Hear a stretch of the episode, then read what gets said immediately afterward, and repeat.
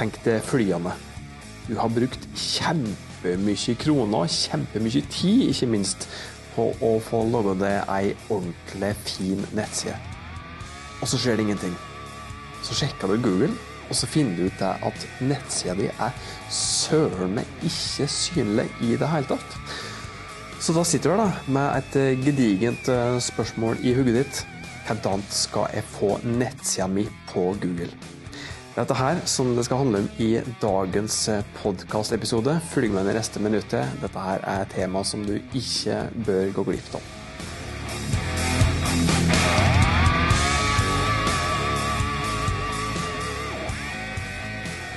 Hei, jeg heter Tormod Sperstad. Dette her er podkasten der du får enkle, men gode tips til hvordan du kan bruke ulike markedsføringskanaler Det får bedrifter som du jobber i, til å få flere kunder, større omsetning, til å rett og slett stå på stødigere økonomiske bein. Jeg er ordentlig glad for at eh, du har funnet veien til denne podkastepisoden her med. Eh, det skal handle om eh, hvordan du kan få nettsida di synlig på Google, altså. Og da må vi starte litt grunnleggende. For det første, eh, helt basic, eh, dette er selvsagt og kanskje unødvendig å nevne, men du må altså ha ei nettside. Det er det første. Eh, så den er grei. Men deretter så må du passe på at nettsida er såkalla indekserbar. Det vil si at du gjerne er mulig for Google sine roboter å i det hele tatt finne. Da. Eh, og for at den skal være indekserbar, altså Du trenger i utgangspunktet ikke gjøre noe spesielt for at den skal være indekserbar, men du må i alle fall passe på at det ikke er lagt inn noe kode da, eller sperringsfunksjoner som hindrer Google sine roboter å finne nettsida di og det innholdet som du har publisert på nettstedet ditt.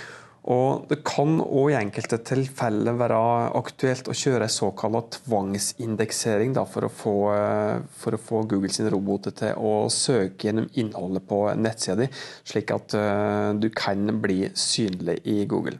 For at eh, Google i det hele tatt skal finne nettsida di, så er det òg noen andre ting som du bør huske på. Og like generelt sett da, så, så heter det seg det at uh, du skal prøve å ha hovedfokus på å logge et nettsted som er nyttig for målgruppa di. Ikke tenk altfor mye på at, at, du skal logge en nettsted, eller, eller nettside for å, for å, tilfredsstille søkemotorer som f.eks. Google. Da. Og Det betyr bl.a. at du for all del må unngå ulike triks da, for å prøve å bli synlig og få god synlighet. Det som kan skje hvis du bruker eh, en del slike triks for å prøve å lure deg til bedre synlighet, er at du kan bli straffa av nettopp Google. Og straffet som Google kan gjøre, det er dårligere synlighet. I verste fall faktisk null synlighet. Så unngå ulike tjuvtriks altså for å, å klatre i, i Google sine plasseringer. Det som jeg nevnte da, om at nettsider må være såkalt indekserbar, det er helt grunnleggende. Og det er helt grunnleggende at du da ikke skal legge inn noen koder eller sperringsfunksjoner da, som, som, kan hindre Google sine roboter å finne ditt uh, nettsted. Men det er andre ting også som du må huske på hvis du i realiteten vil være synlig for den rette målgruppa di. Og det er ikke nok å bare få nettsida di på Google.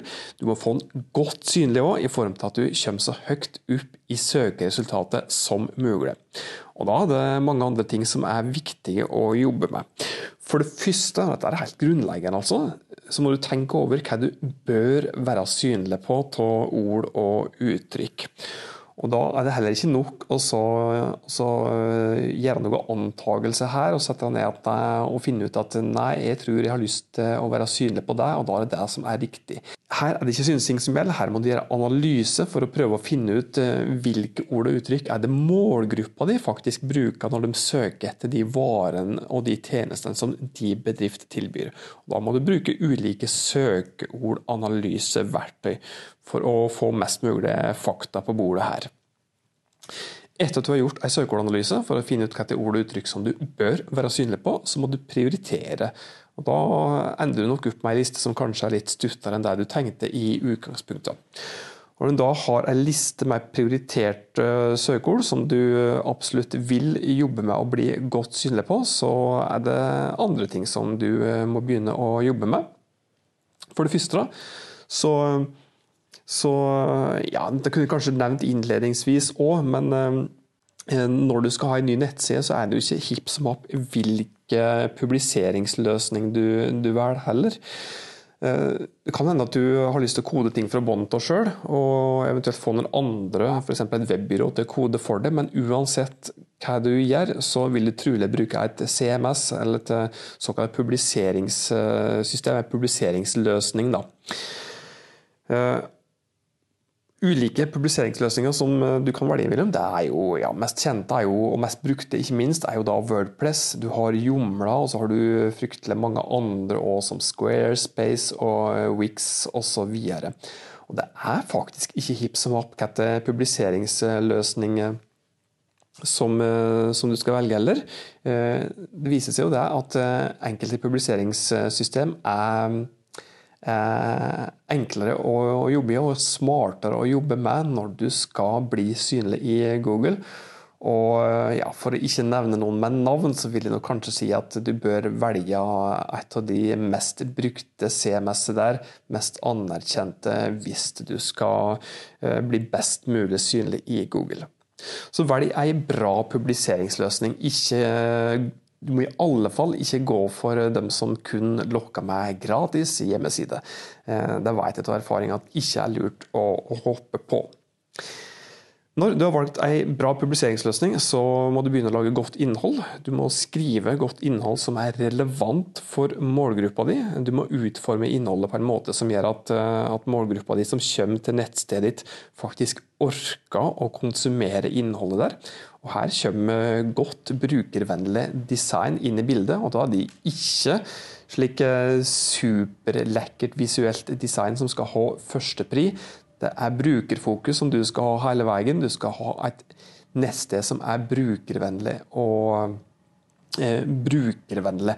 Og da er det så absolutt ikke visuelle krumspring som er greia som du skal prøve å få til. Ting som ser kjempelekkert ut, er ikke nødvendigvis noe som funker bra.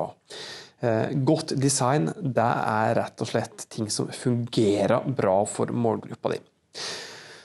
Så du må altså ha brukerfokus eh, hele veien. Du må hjelpe målgruppa di til å enkelt finne innholdet som de leter etter på nettstedet ditt, eller hjelpe dem til å få gjort det som de kommer til nettstedet ditt for å få gjort. Og du må hjelpe dem til å få gjort det som de vil gjøre på nettstedet ditt, så fort som mulig. Det er ikke slik at uh, målgruppa di setter seg ned i sofaen med et vinglass en fredagskveld og tenker som så at nei, nå skal jeg kose meg kjempemye inne på nettsida til denne bedriften her, uh, for å se på alt det fine som de har på nettsida. Er ikke slik det fungerer. Folk kommer til nettstedet ditt av en grunn. De kommer inn for å kanskje få gjort en oppgave, og den vil de få løst så fort som mulig. De vil få gjort det som de vil gjøre, så fort som mulig. Og da må du legge til rette for at de får gjort dette her så kjapt som det bare lar seg gjøre. Du må ha ei nettside som er, som er, så rask som mulig. Lastetid er kritisk. Google straffer trege nettsider, og måten som Google straffer trege nettsider på, det er ved å dytte dem lenger ned i søkeresultatet. Du må òg ha ei mobilvennlig nettside. Det er òg noe som Google legger vekt på når de skal bestemme hvilke nettsteder som skal være godt synlige og dårlig synlige i søkeresultatet. I tillegg så må du ha ei såkalt sikker nettside det betyr at eh, du skal ha en nettside med såkalt hengelås. Hvis du ser i adressefeltet i nettleseren din og ser et eh, åpent hengelås, så betyr det at nettstedet som du er inne på, ikke er sikkert. Og Måten som du kan få et slik hengelås på, det er ved å installere et såkalt sikkerhetssertifikat, SSL, på, på nettstedet ditt. Du må ha ei nettside som er universelt utforma, dvs. Si at neste ritt er tilgjengelig for alle brukere, uansett eh, funksjonsnivå. Det betyr at du f.eks. må ha ei nettside som er tilrettelagt for svaksynte, faktisk. Eh, dette med universell utforming det er lovpålagt for alle nye nettsider eller nettsider som er redesigna etter juli 2014. Og fra januar 2021 så er det faktisk lovpålagt for alle uansett eh, alderen på nettstedet. Eh, og så er det òg på vei inn noe EU-direktiv som kan føre til at eh, disse kravene til universell utforming blir, blir justerte. Altså i, det er øyeblikket som, som denne podkastepisoden blir innspilt, i uh, oktober 2019, så er det ikke helt avgjort hvilke konsekvenser dette får for norske nettsteder. Men uansett hva som skjer når det gjelder dette EU-direktivet, så er det slik at, uh, at du med aller største sannsynlighet må forholde deg til minimumskravene til universell utforming fra januar 2021. Universell utforming det går bl.a. på at du skal legge inn såkalt alternativ tekst i alle bilder, du må ha riktig tittelstruktur, du må ha store nok klikkeflater, du må ha ren koding på nettstedet ditt, du må ha, ja, du må ha en spesiell utforming på lenker osv.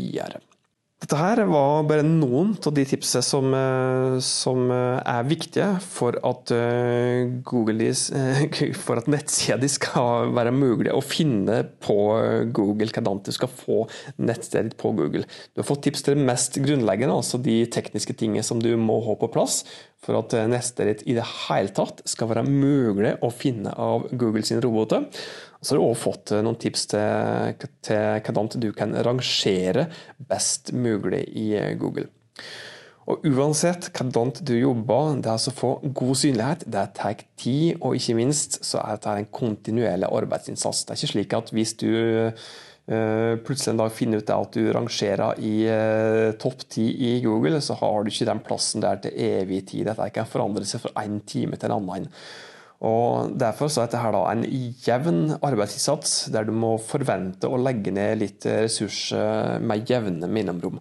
Og Det kan òg være lurt å alliere seg med noen som, eh, som allerede kan det som de driver med. Det var dagens podkastepisode. Hvis du hadde nytte av disse her tipsene hvordan du kan få nettsida di på Google, så blir jeg ordentlig glad hvis du tipser noen andre som du kjenner om podkasten eh, som du akkurat har hørt på. Hvis du gjør det, så eh, hjelper du da denne podkasten til å klatre litt eh, bedre i ulike podkastplattformer, som gjør at andre òg kan få nyttige tips om hvordan de kan få bedre resultat i si bedrift. Som vanlig, hvis du har spørsmål til meg om markedsføring, send meg en DM på Insta. Har du tips eller ønske om ting som vi skal prate med i podkastserien her, send meg òg en DM på Insta, så lover jeg å komme tilbake til det med et personlig svar. Inntil oss høres til neste gang, ta godt vare på det og dine.